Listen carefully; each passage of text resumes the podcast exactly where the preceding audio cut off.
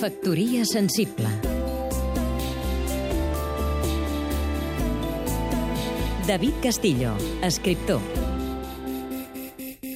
Bé, avui us parlaré d'un llibre d'un escriptor que fins ara era àgraf, la, El terra i el cel, d'Eduard Escofet. Fa pocs mesos va presentar un primer llibre que es deia Gaire, i ara ha presentat aquest, que el dimecres el presentaran al bar original, que es diu El terra i el cel a la batra. És un dels eh, poetes, dels joves escriptors, que s'han creat amb els recitals, que també despleguen tota una activitat com a organitzadors i que també toquen amb grups. Amb l'últim Sonar doncs, va actuar amb el grup Bradient.